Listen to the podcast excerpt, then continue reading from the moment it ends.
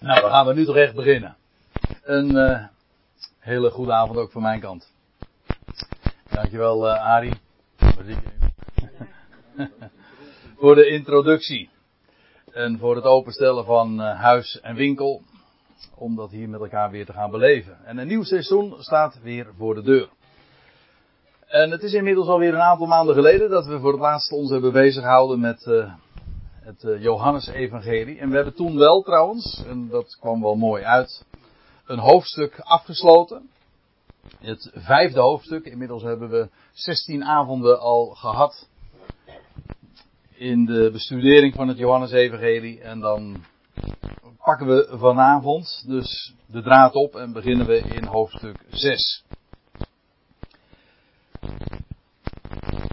Ik ben meestal gewoon om eventjes terug te blikken op uh, de voorgaande studies. En ik heb zo overwogen bij mezelf toen ik, uh, toen ik dit gedeelte zo voor me zag. Om daar dit keer van af te zien. Want we zullen dat in de komende tijd nog wel vaker doen. Toch de verbanden met het voorgaande te bezien. En dat is niet direct zo nodig. Johannes 6 in mijn Bijbel staat daarboven de spijziging van de 5000. Het is het vierde teken van de zeven tekenen die in het Johannes-evangelie beschreven worden. Het vierde teken dat hier verhaald wordt. En uh, dit is een, nou ik mag wel zeggen, een bijzonder om die reden ook dat dit teken, dit wonderteken, in alle vier de evangeliën wordt beschreven. En dat is een uniek fenomeen, mag ik wel zeggen. Ik heb eigenlijk niet eens nagekeken of dat van nog meer wondertekenen gezegd kan worden, maar ik vermoed eerlijk gezegd van niet. Dat dit dus het enige teken is, ik zeg het even onder voorbehoud, maar in ieder geval, het is toch erg uniek, dat dit en in Matthäus en in Marcus en in Lucas en dus ook in het Johannesevangelie beschreven wordt. Dat iets in Matthäus, Marcus en Lucas beschreven wordt, dat komt vaker uh, voor, maar dat het ook in het uh, Johannes-evangelie dan nog eens een keer uh, beschreven wordt, dat is echt wel een unicum. En deze geschiedenis lijkt nogal op een andere geschiedenis, en dat is de spijziging van de 4000. Ja, van de 4000. Dat is bij een andere gelegenheid, bij een latere gelegenheid. En er zijn trouwens ook opmerkelijke parallellen, maar vooral ook hele opmerkelijke verschillen tussen beide geschiedenissen. En daar zullen we ons uh, later ook nog wel mee bezighouden, denk ik. Maar laten we eerst maar eens uh, de draad oppakken, gewoon bij.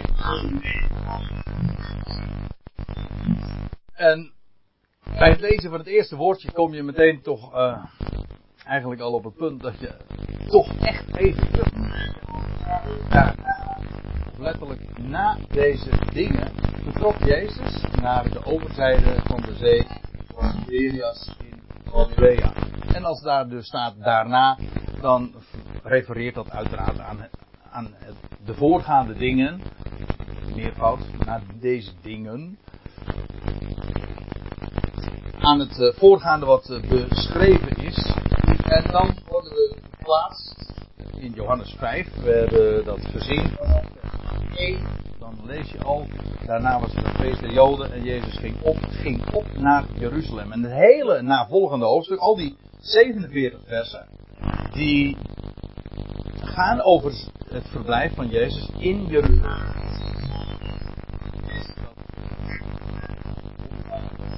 De genezing van die man die 38 jaar daar in Bethesda werd genezen en vervolgens ja, het dispuut, de discussie, de reden die allemaal in Jeruzalem. Het is dus na zijn verblijf in Jeruzalem over het, uh, over de reis naar het, uh, naar het noorden, uh, naar het noorden van het land, naar het meer van Tiberias enzovoort. Daar wordt niks over gezegd. We worden gewoon plots, klaps, abrupt, dus overgeplaatst in, in, in het noorden van Israël. Waar we trouwens uh, erg op gestuurd waren in, het, uh, ja, in de laatste Bijbelstudies, noemen we die reden vanaf vers, wat is het, 19 tot het laatste, vers 47 hebben we bezien. dat is dat de Heer daar eigenlijk, vooral in Jeruzalem en in confrontatie met de leidslieden van de de orthodoxie zeg maar, die stuiten op massief op, weliswaar beroemde men zich op Mozes en op de schriften. Wat die schrift helemaal niet eens kent. Nee, dat zegt hij ook. hij zegt, jullie hebben de schriften wel, maar onderzoekt de schriften. Dat is een woord dat we in vers 39 dan vinden. Onderzoek de schriften. Dat is dat ze, wat ze niet deden. Ze hielden zich er uiteindelijk slechts oppervlakkig mee bezig. We zagen trouwens, en nu lees ik even twee versen voor. Dat zijn de laatste versen van, eh, van ja, wat dus direct voorafgaat aan Johannes 6 vers 1. Dat de Heer dit zegt. Want indien jullie Mozes geloofden, zouden jullie ook mij geloven. Want hij heeft van mij geschreven. Maar indien jullie zijn geschriften niet geloven, jullie hebben dat wel, jullie beroemen je erop, jullie hebben zelfs je status en jullie functie ontlenen jullie zelfs aan hem. Maar geloven doen jullie niet. Dat zijn twee verschillende dingen. Moet je, denk ik, heel goed in de gaten houden. Maar indien jullie zijn geschriften niet geloven, hoe zullen jullie dan mijn woorden geloven? En dat is dus het direct voorafgaande. Dat is het laatste eigenlijk wat de Heer heeft gesproken daar in Jeruzalem. Althans, zoals Johannes het dan neerzet. En vanuit zijn optiek. En ongeloof in Jeruzalem. Hou me even vast, want ik wil straks ook uh, typologisch het hele verhaal ook in een raamwerk plaatsen. En dan is dat dan ook van belang voor het begrip. In Jeruzalem stuitte hij op massief ongeloof. Nou goed. Na die dingen vertrok Jezus naar de overzijde van de zee. Dat wil zeggen, hij was dus eerst aan de ene kant uh, van de zee. En vervolgens hij over, over dat verblijf wordt dus verder niks gezegd. Nou ja, dat is niet helemaal waar, want straks in het volgende vers zullen we zien dat Jezus daar juist heel actief is geweest, ook in de bediening, om zieken te genezen. Maar goed, in deze inleiding wordt er verder niks over gezegd. Jezus vertrok naar de overzijde van de zee van Tiberias in Galilea. Dat is het mooie als je dus parallele schriftplaatsen hebt. Uh, drie in dit geval. Dus Matthäus, Marcus en Lucas die dezezelfde geschiedenis ook beschrijven. En elk weer op hun eigen manier. Ook met een eigen. Maar ook met, met details die de ander juist weer niet vermeldt. Dat is logisch. Zo gaat dat als, uh, als diverse auteurs iets, eenzelfde gebeurtenis beschrijven. Dat, uh, dat blijft altijd een heel frapperend ding. Het beschrijven van iets, dus als je het te boek stelt, maar ook als je uh, dan bijvoorbeeld, ik noem maar wat, per slotverrekening, nou, we hebben het zomerseizoen gehad, iemand is op vakantie geweest, of een paar mensen zijn met elkaar op vakantie geweest, en dan hoor je, de, hoor je verhalen van mensen die dezelfde vakantieervaring hebben gehad, en de wijze waarop dat, zij dat verschillend beschrijven, dat kan gigantisch uh, zijn. Ja, iedereen heeft zo zijn eigen dingen die opvallen, de dingen die, die of hij of zij belangrijk vindt, andere dingen weg en andere, terwijl een ander juist weer zal zeggen van ja, maar daar ging het nu juist helemaal om. Ja, dat is heel subjectief. En dat geldt ook voor het beschrijven van, een gebeurtenis als deze, die in deze, in de Johannes 6 beschreven wordt. Ja, natuurlijk bepaalde elementen die komen in al die evangeliën voor, dat is nogal wiedes. Maar neem niet weg de invalshoeken en de dingen, de speciale details. Maar ze completeren ook elkaar. Oh, nee, uh, ze complementeren elkaar. Hoe is het nou, Ed? Completeren of complementeren? Niet, compliment, niet complimenteren, dat is weer wat anders. Ze vullen elkaar aan, ja. Waarom zouden we het moeilijk doen? Hè? Als makkelijk ook aan. Ze vullen elkaar aan. Want wat, wat, nou kom ik even bij mijn punt. Naar de, hij ging naar de overzijde en Johannes vindt het niet nodig om dan specifiek te vermelden van waar dat dan was. Maar Lucas wel. Want Lucas zegt dan in, uh, in zijn beschrijving. En hij nam hem mee en trok zich met hen alleen terug naar een stad genaamd Bethsaida. Aha, dat is dus de overzijde. Dat Bethsaida, dat betekent trouwens uh, huis van vissers. En we weten van deze plaats dat uh, Filippus en Andreas daar vandaan kwamen. En als ik zeg Andreas, dan, dan is dat ook expres uh, dat ik het zo neerzet, omdat deze beide figuren straks in deze geschiedenis uh, ook nog wel een, een rol gaan spelen. De enige twee discipelen die bij name dan in dat verband genoemd worden. Uiteraard was het ook Petrus die uit Bethsaida kwam. Immers, Andreas was een broer van Simon Petrus. De minder bekende variant, zeg maar. De minder bekende broer. Zo gaat dat met Andrees, hè. Die, zijn altijd, die spelen altijd een beetje op de achtergrond.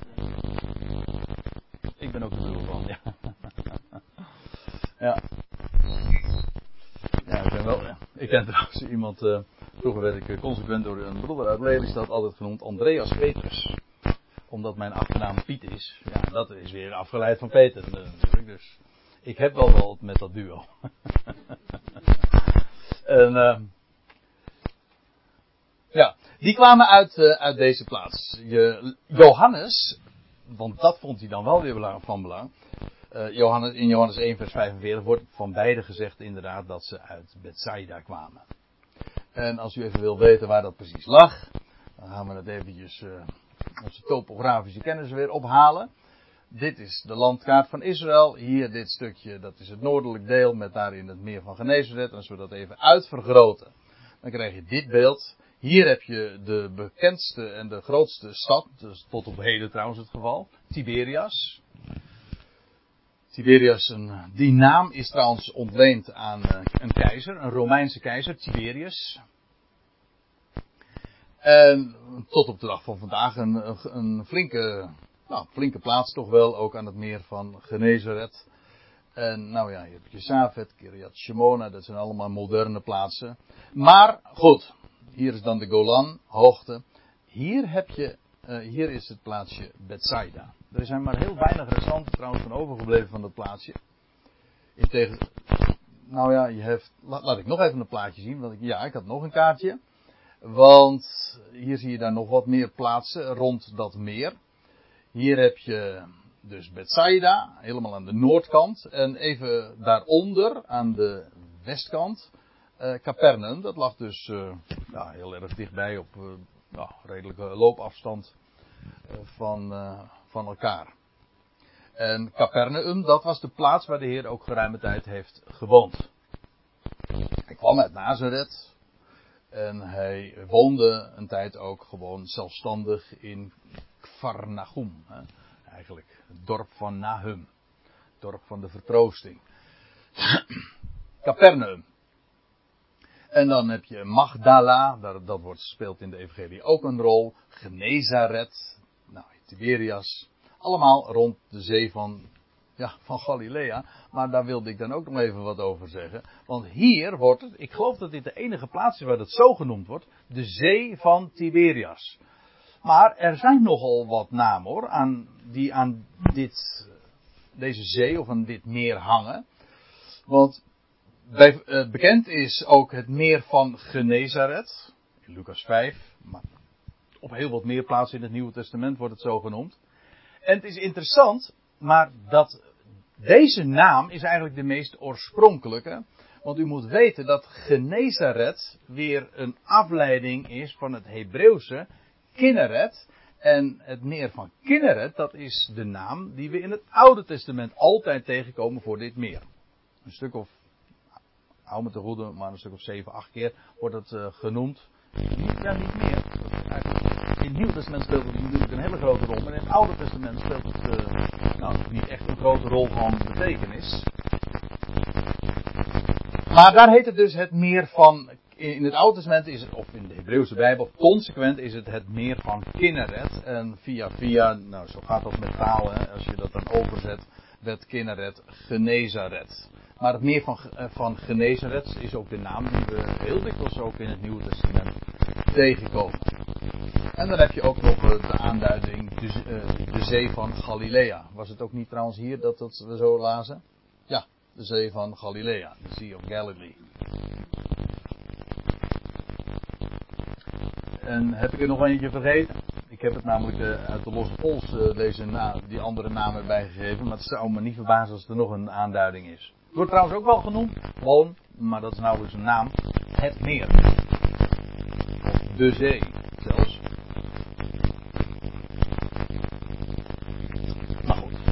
Zijn wel de belangrijkste. Waarbij er nog iets interessants vermeld is. Dat, dat vind ik echt zo boeiend. Want dat Genezeret, waar ik het over had, dat is dus afgeleid van Kinneret. Maar het Hebreeuwse woord Kinneret, dat komt van het Hebreeuwse woord Kinor. En Kinor betekent een harp. En dat is niet zo moeilijk waarom dat zo heet, want kijk het maar naar. Direct, van bovenaf, de vorm van een harp. Daarom Dus in, als wij het hebben over deze zee, welk labeltje we er ook aan hangen, dan valt dat niet op.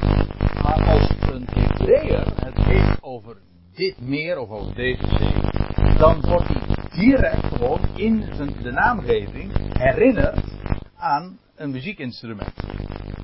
Of, ik zou haast zeggen, dan word je direct herinnerd aan, aan David.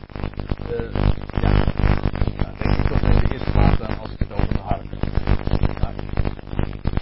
Trouwens, uh, ik heb er hier nog een, uh, een, een schriftplaats bij staan. Die vind ik heel fraai. Weet het niet eens zeker, maar ik ga het eventjes nu ter plekke nakijken. Is die van. Nee! Je zou zeggen, die is van David. Maar uh, hij is van de Koragieten. Van de, van de Koragieten, een psalm. Maar, hoe dan ook. In Psalm 49 staat dan: Ik zal mijn geheimenis bij de citer, maar er staat er hier bekinor. Oftewel, bij de harp. Ik, in de Statenvertaling staat trouwens ook bij de harp. Dat is altijd een beetje. Het hangt eraf van welke vertaling je gebruikt, maar een citer en een harp. Ja, dat, uh, dat onderscheid dat maken wij dan, maar uh, de Bijbel dus niet. In elk geval, hier wordt dit woord gebruikt. Kinor, eh, waar dus kineret van afgeleid is. Maar wat daar staat is dit. Ik zal mijn geheimenis bij de citer, bij de harp, ontsluieren. Ik maak open, dat is wat ontsluieren is, uh, bij de harp, uh, mijn raadsel. Mijn geheimenis. Ja, als je daar toch even over doordenkt, dan ja, wordt dat toch wel heel bijzonder. Wat Speelde muziek en bij die muziek, bij de harp die, uh, die hij bespeelde, zong hij teksten, woorden gods, maar dat was niet zomaar wat, dat waren geheimenissen. Maar in zoveel ligt besloten dat, ja, uh, waarin geheimenissen worden doorgegeven. En nou hebben we over David die zijn psalmen componeerde en dat bij, uh, bij harp. Nou ja, vraag het maar aan Saul zou ik vragen bijvoorbeeld. Maar die zijn muziek componeerde en zong met uh, begeleiding van de harp. En dan vervolgens duizend jaar later komen we bij de zoon van David. En wat doet hij? Hij brengt het woord van God en dat is als muziek trouwens hoor. Oren. Dat brengt ons ook in uh, hogere sferen. Dat iets, het, eigenlijk, ik vind het heel mooi. Eh, even tussendoor. Ik vind het zo mooi. Dat wat het woord van God met een mens doet.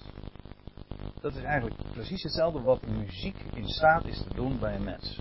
Snaren te raken die je gewoon rationeel niet zomaar kunt verklaren, maar het, brengt je in vervoering, het brengt je op grote hoogte. Of zal ik het nog even niet met deze muzikaal? Ik ben eigenlijk helemaal niet muzikaal. Ik zou muzikaal moeten zijn. Met een vader die eh, heel goed eh, piano en orgel kan spelen. En ik kan niet eens vader ja.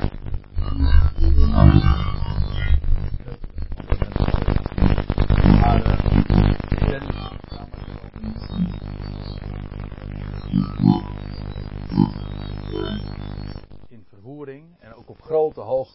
En ik, uh, ik vind het mooi om te zeggen, brengt ons in majeur. Dat, en dat betekent, je kan, muziek kan je trouwens ook in mineur brengen, maar ook in majeur. En, en dat heb ik ooit van mijn vader geleerd. Weet je wat majeur is? Een andere woord, de, muziek, de technische term daarvoor is grote terts. Bij de derde, bij de derde gaat het omhoog. Dat woord en muziek gewoon. Uh, bij de derde gaat het omhoog. Bij, als het bij de derde omlaag gaat, maar dat zou je ook eens even moeten vragen aan die bakker. Uh, dan is het niet goed, dan is het mineur. Ja, ja, heb je hem? Ja, want je had namelijk. Je, je, had de schenker en de bakker. En bij die, de ene ging werd bij, de, bij, bij de derde vernederd. De bakker. En de andere werd bij de derde verhoogd.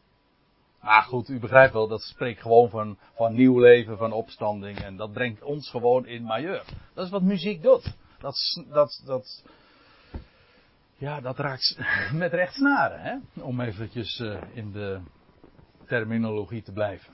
Maar nou ben ik dit zijpaadje ingegaan. Oh, nou moet ik weer terug. Ja, oh ja, ik weet het weer. David, die ontsluierde geheimenissen, bracht uh, geheimenissen onder woorden in, uh, bij de harp. En dan komt duizend jaar later de zoon van David. En wat doet hij? Hij brengt het woord van God. Hij vertelt geheimenissen. Wat dacht, of wat dacht, nou ik kan het anders zeggen. Hij, hij spreekt gelijkenissen uit. Maar dat is niks anders dan geheimenissen hoor.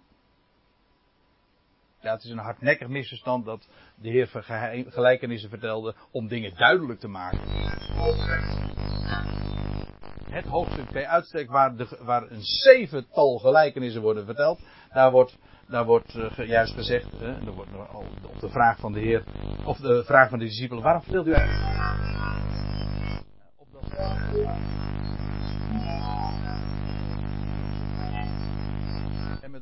niet verstaan. De Heer vertelde gelijkenissen juist om dingen te verbergen. Vandaar dat hij die verhalen dus vertelde aan de schade. En afzonderlijk legde hij het uit aan zijn discipelen. Zodat die verhalen werden gehoord door de schade.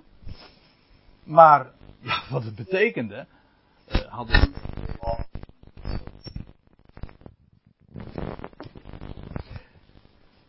Gelijk, en de Heer vertelde die gelijkenissen. En waar vertelde de Heer die gelijkenissen?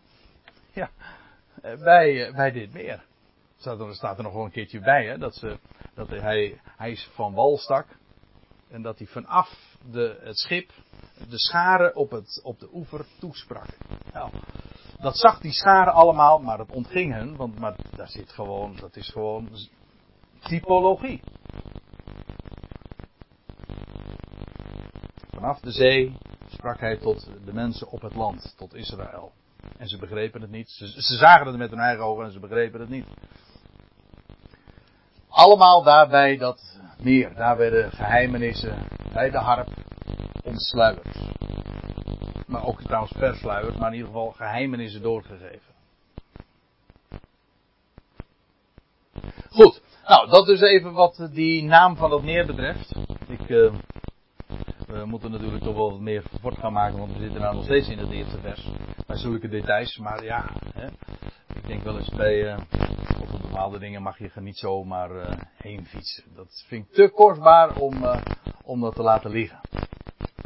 Goed, Jezus vertrok dus naar de overzijde, dat was dus Bethsaida, van de zee van Tiberias, Kinneret, en dat was in Galilea, wat, wat elders genoemd wordt in Matthäus 4, vers 15. Dat zeg ik met opzet nu even ook.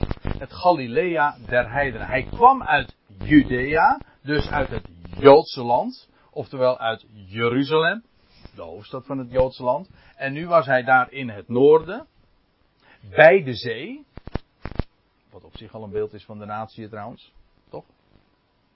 Nou, en dat heet ook met recht het Galilea der heidenen. Ten opzichte van de Judeërs was altijd er wat tweespalt. Altijd uh, de Judeërs spraken met, met dédain eigenlijk ook over de Galileërs. Want ja, dat was maar dat, dat heidense gebied. Goed. Daarna vertrok Jezus naar de overzijde van de zee van Tiberias in Galilea. En staat er dan bij, hem volgde een grote schare.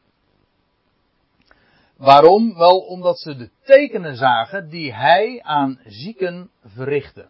Die tekenen, die worden hier weliswaar hier, eh, niet verhaald. Welke tekenen dat waren. Maar het waren, tekenen aan zieken. En dit verblijf trouwens van Jezus in Galilea.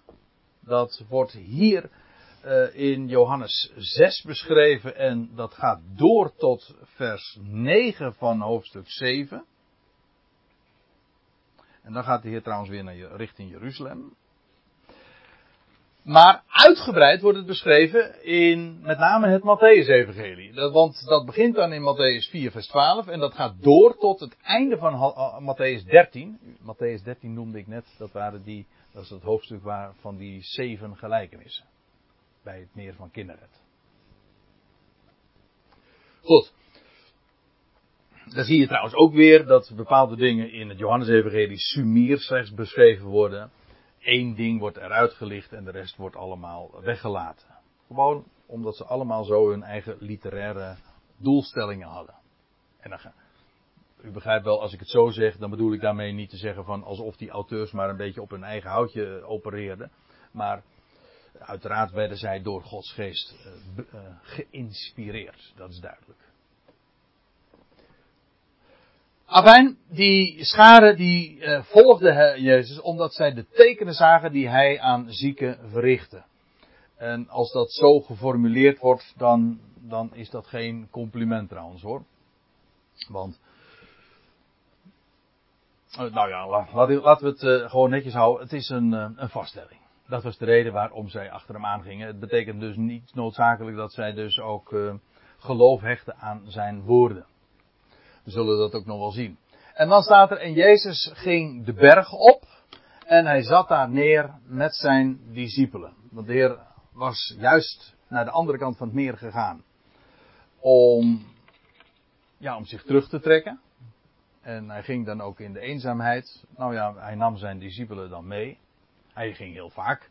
Lees je ook elders in de evangelie. Hij ging dan om zich even terug te trekken en ging hij het gebergte in, in de eenzaamheid en verbleef daar dan in de nacht. In dit geval was hij naar de andere kant eh, getrokken, juist om zich, want ja, hij had, een, hij had het erg druk gehad, hè, met, de, met, vele, met genezen van de vele zieken, met het uitspreken van woorden. En nu ging hij daar in Bethsaida de, de berg op. En hij zat daar neer met zijn discipelen. Nou, het, deze mededeling op zich is eh, heel simpel. Daar hoef je niet zo erg veel uh, woorden aan, aan te spanderen. Maar dan wil ik toch even op iets anders wijzen. En dat is dat hier een geweldig beeld neergezet wordt. Het is, zoals het hier neergezet wordt in Johannes 6, is dat een plaatje, zo noem ik het dat dan maar even, van de tegenwoordige tijd. En ik zal uitleggen wat ik daarmee bedoel. Hij was, maar dat was het onderwerp van hoofdstuk 5. Hij was afgewezen in Jeruzalem. Vervolgens gaat hij naar het Galilea der Natieën, het Galilea der, der Heidenen. Hij bevindt zich bij de zee. En u, ik, ik hoop dat u nu net zo dubbelzinnig luistert als dat ik de woorden bedoel uit te spreken. Namelijk, hij is verworpen nu. Hè? Dat is de tegenwoordige positie van de Heer Jezus nu. Hij is verworpen door Jeruzalem. Wat is er vervolgens met de Heer gebeurd? Nou ja, hij, hij begeeft zich nu onder de natieën. In het verborgene. Maar uh, ja, bij de zee en daarmee dus ook de natieën. Uh, hij is, en dat is natuurlijk prachtig zoals dat in vers 3 dan ook beschreven wordt, hij ging de berg op. Dat wil zeggen, hij bevindt zich daar in de hoogte. Bovendien staat er, hij zat daar neder. En ook dat is uh, typerend voor de positie van Jezus Christus vandaag. Waar is hij? Wel, hij is op de hoogte, op de hoogste plaats zelfs, op de berg. En hij is daar in een positie van rust gezeten.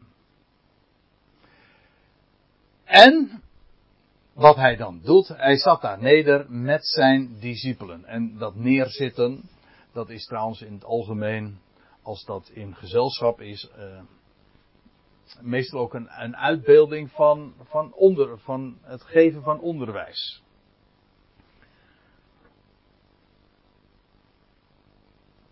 Ik, uh, ik heb het heel recentelijk uh, al eerder daarover gehad en ik weet niet meer wat de aanleiding daarvoor toen was. Maar uh, ik kan het nu kort houden daarover.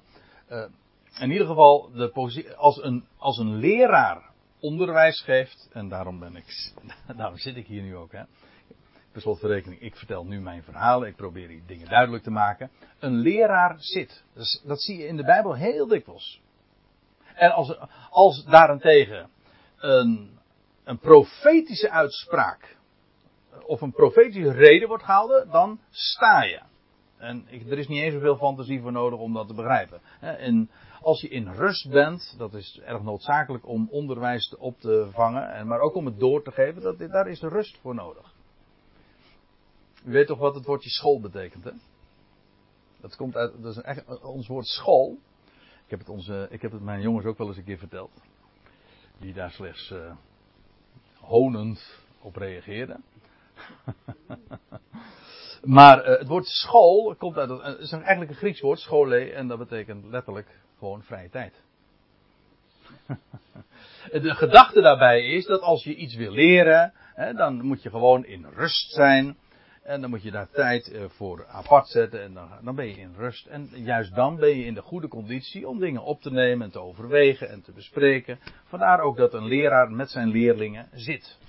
Gewoon in rust. Daarentegen, als je wat te zeggen hebt, want hallo, weet je, dan ga, je staan. En dan, uh, en dan verhef je je stem. En met het verheffen van je stem moet je ook nog eens uh, je lichaam verheffen. Gewoon om, om, om duidelijk zichtbaar te zijn. In ieder geval, de Heer is hier gezeten met zijn discipelen. En ik meen ook, maar daar blijf ik dan ook even vanaf, dat in een van de evangelie ook dan verteld wordt dat hij zijn, zijn discipelen onderwijs gaf. En ik blijf het uh, een mooie beeldspraak vinden, of een mooie manier van zeggen, hij stelde zijn leerlingen dus op de hoogte, maar dat is natuurlijk heel erg dubbelzinnig. Dubbel dubbelzinnig trouwens. Want ze waren op de hoogte, sowieso als je in, iemand informeert, dan stel je op de hoogte. Maar ja, als je het hebt over, over dat waar Christus vandaag gezeten is. En waar wij trouwens ook nu in de tegenwoordige tijd samen met hem ook uh, gezeten zijn. Dat is ook op de hoogte. Nou, eh, dat is het allermooiste wat je aan elkaar duidelijk kunt maken en wat je vanuit de schrift kunt leren. Dan, dan word je met recht op de hoogte gesteld. Wie is hij? Waar is Hij? Waar zijn wij? Waar rekent Hij ons? Waar ligt onze toekomst? Nou, dat is allemaal op de hoogte stellen. Toch?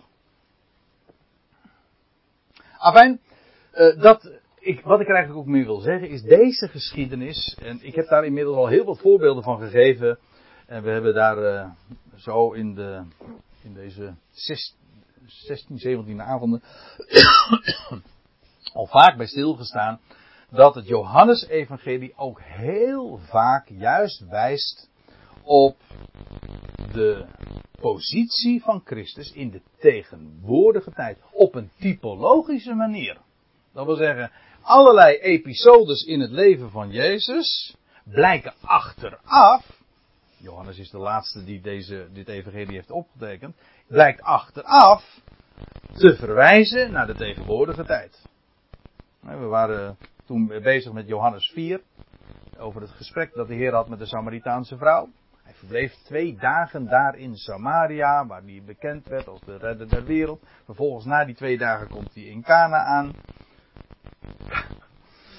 Cana aan. ja, in, in, het, in het stadje Cana aan, waar hij eerder al op de derde dag water in wijn had veranderd. Mensen, dit is, dat is geschiedenis, maar het is profetie. Dat is zo wonderbaar mooi. Want het spreekt uiteraard van de tegenwoordige tijd waarin de Heer een omweg maakt en zich onder de natie bevindt, de niet-Joden. Maar vervolgens op de derde dag komt hij daar waar hij uiteindelijk, uh, waar hij ooit voor gekomen was. Namelijk zijn volk. We zullen dat ook in deze geschiedenis weer gaan zien. Het is een plaatje van de tegenwoordige tijd, de onderbreking, maar ook waar dat uiteindelijk weer op uitloopt. Namelijk op de zegening van, uh, het zegenen van het volk van Israël. Ook deze geschiedenis is daar een prachtig voorbeeld van. Maar goed, nu loop ik eventjes op de zaken vooruit, want ik heb nu dingen in gedachten die u misschien nu nog niet weet. Even geduld. We gaan verder. En staat er dan bij het Pascha, het feest der Joden, zo wordt dat nou al eens een keer genoemd in uh, het Johannes-evangelie. Het uh, Pascha, het feest der Joden, was nabij. Dat, daarin klinkt natuurlijk ook iets door van uh, dat het was hun feestje geworden, om zo te zeggen. Niet meer de hoogtijden des Heren. Maar ook hier moet ik erbij zeggen, zit daar nog wel wat meer aan vast. Het eerste wat opvalt is dat de Heer kennelijk zelf niet opgaat naar Jeruzalem. Als het nabij was. Dan zou je verwachten dat hij opging naar Jeruzalem, maar dat deed hij niet. Want ook het navolgende uh, zullen we dat niet lezen. In Johannes 7 niet. Eh, je leest in Johannes 7 vers 1. Daarna, daarna trok Jezus, en dan praten we over een dag na dit, of twee dagen na dit, trok hij Jezus rond in Jeruzalem. Want hij wilde zich in Judea niet ophouden. Enzovoort.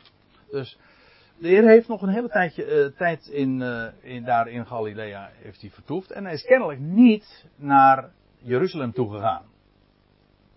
Omdat hij zich niet in Judea wilde ophouden. Vanwege de enorme vijandschap die hij daar tegenkwam. Nou ja, dat kennen we. Uiteindelijk is hij op het feest van Pascha, het feest der Joden, op een paascha in Jeruzalem gedood. Hier zit er nog iets achter en dat is dat de, deze, de maaltijd die nu hier in Johannes 6 beschreven wordt, feitelijk ook het karakter heeft van een paascha maaltijd. Het, was, het, paascha was nabij en ik zal, uh, dat, wordt vooral duidelijk als we uh, nou, dat is niet meer vandaag, maar uh, volgende keren. De lange reden die de Heer heeft gehouden na aanleiding van deze gebeurtenis.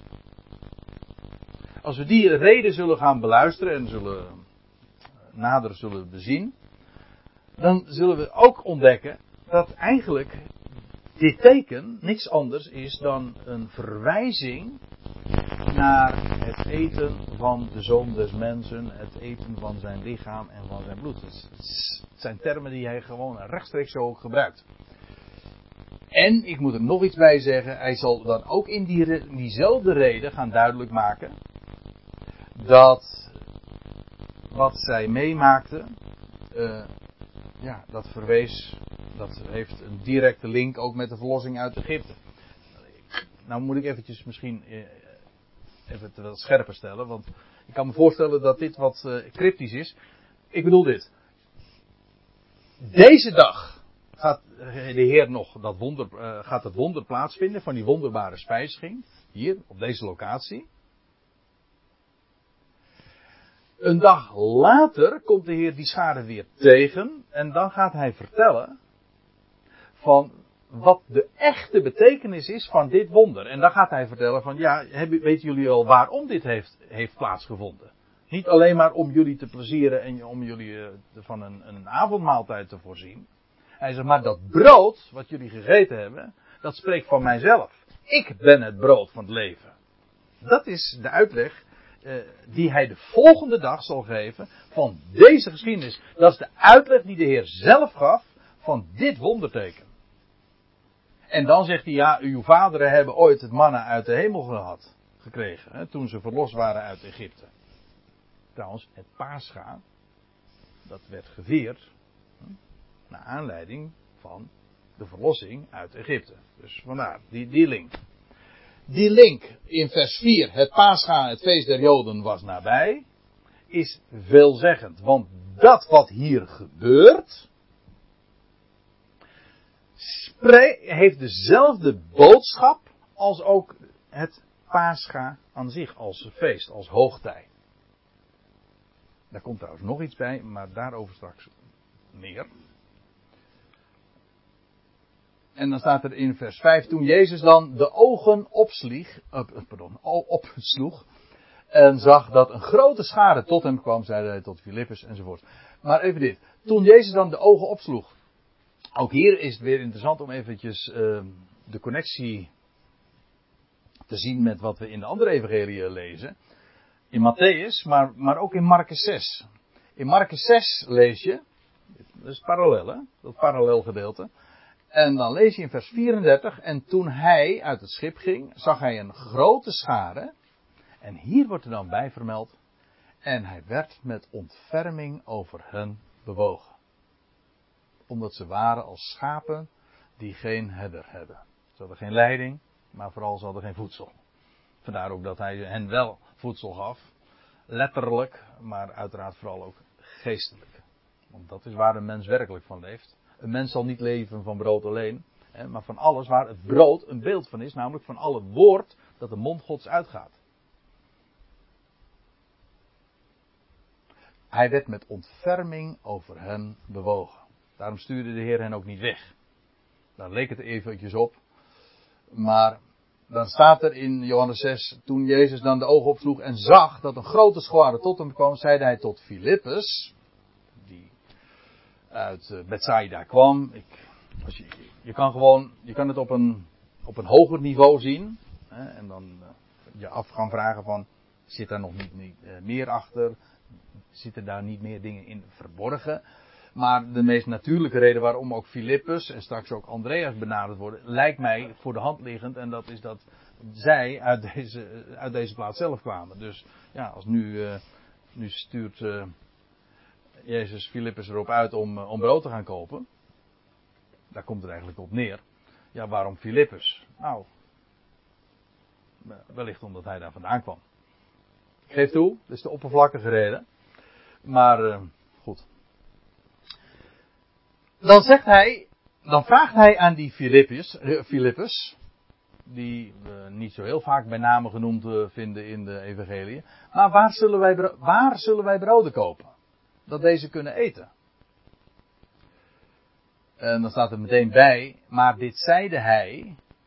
Dit is dus Johannes' mededeling. Dit wist Filippus niet en wisten de omstanders die dit hoorden ook niet. Maar dit zeide hij om hem, Filippus, op de proef te stellen want hij wist zelf wat hij doen zou. Dus ja, dit was een, eh, een opmerking met een, eh, met, een, ja, met een dubbele bodem. Hij uh, deed dit ook om hen dus uit te lokken. Nou, precies zoals het staat. Hij zou hen beproeven. Te testen. Vergeet je niet. Uh, die, dat wonder wat we, waar ik het zojuist al even over had, over dat wonder in Cana. Toen, toen was er geen wijn meer op een bruiloft. Een vrij uh, uh, hopeloze mededeling was dat toen. Zij hebben geen wijn meer. En wat deed de Heer? Hij voorzag. Zij hadden het nodig en de Heer voorzag. En eh, het enige wat ze hoefden te doen, een, een, een lege vaten ter beschikking te stellen en ze werden gevuld en water werd wijn. Dus inmiddels zouden ze toch wel moeten weten met wie ze van doen hadden. Als er iemand voorzag, er was geen voedsel, was hopeloos tekort. Ja, wat zou de Heer dan doen? Maar goed, uh, ja, Filippus wordt verder niks kwalijk genomen. Alleen, het is wel duidelijk wat, eh, wat de Heer hier op het oog had. Hij zelf wist wat hij zou doen. En Filippus antwoordde 200 schellingen brood is voor deze niet genoeg. Als iedereen, als zelfs maar een kleine hoeveelheid zou krijgen. Moet u trouwens zich realiseren dat 200 schellingen een behoorlijke, een behoorlijke som geld is. Je leest in, uh, in Matthäus 20 dat een schelling, of een denaar heet het eigenlijk in het Grieks, een denaar, dat is... Dat is het geld dat de waarde heeft van ongeveer één dagloon. Dus 200 schellingen, dat zijn 200 daglonen. dat is, eh, nou, dat is eigenlijk zo'n beetje een jaarsalaris, toch? Ik weet niet precies hoe. Maar in ieder geval, hè? Je bent eruit, hè? Je bent eruit. Ja, ik ben er helemaal uit, joh. ja. Ik leef van de wind, joh. Ja, maar. Uh, ja, goed. Uh, we, we, weten natuurlijk ook dat de Heer. een ze, ze reisden en. Uh, Judas. dat was een kas. Judas beheerde de kas. Was de penningmeester. En misschien heeft Filippus gezegd, nou ja, er is 200 schellingen in kas. Dat is een aardige hoeveelheid geld dan nog. Hè? 200 daglonen. Maar in ieder geval, uh, 200 schellingen brood is voor deze is niet genoeg. Als ieder, zelfs maar een kleine hoeveelheid. Want, uh, lazen we het, nee, we hebben het nog, nu nog niet gelezen. We lazen twee keer al dat het een grote schade was. Maar hoe groot die schade was, hebben we nog niet gelezen. Maar we zullen het nog wel lezen. Het was 5000 man. Waarbij de vrouwen en de kinderen nog niet eens meegerekend zijn. Dus dat is een gigantische uh, schade van mensen geweest. Stel voor dat we, het is nu vijf voor negen, dat we eerst eventjes uh, gaan pauzeren. Ja.